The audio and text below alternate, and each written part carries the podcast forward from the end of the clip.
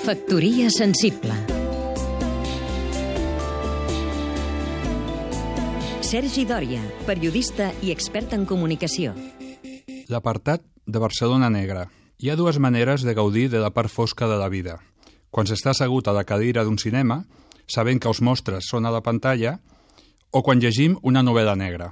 Podríem afegir una tercera modalitat, quan conversem de tot això amb els seus autors. Aquesta és la clau de la Barcelona Negra que Paco Camarasa ha topografiat any rere any des de la seva llibreria de la Barceloneta. A partir d'avui, a la gòtica capella del carrer Hospital, ressuscita l'inspector Magret i Andrea Camilleri, Premi Carballo d'enguany, que departirà com Pirandello amb el seu comissari Montalbano. A un servidor li ha tocat moderar una taula rodona sobre la Barcelona dels anys 50, que és quan la ciutat va conjuminar la negra realitat amb la creació literària i cinematogràfica. És la Barcelona del crim de Carmen Broto, que va inspirar a Ventis de Mercè, la vaga de tramvies, les cases barraques del Cantunis de Candel i l'apartado de Correos 1001 de Julio Salvador amb guió de Juli Coll.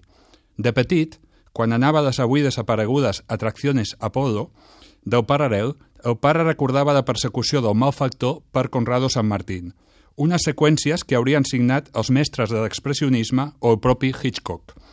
Con luz de atardecer, sobresaltada y triste, se salía a las calles de un invierno poblado de infelices gabardinas, a la deriva, bajo viento. Aquests versos són de Gil de Viedma, collita dels 50. Podrien reflectir molt la negra realitat d'ahir i d'avui.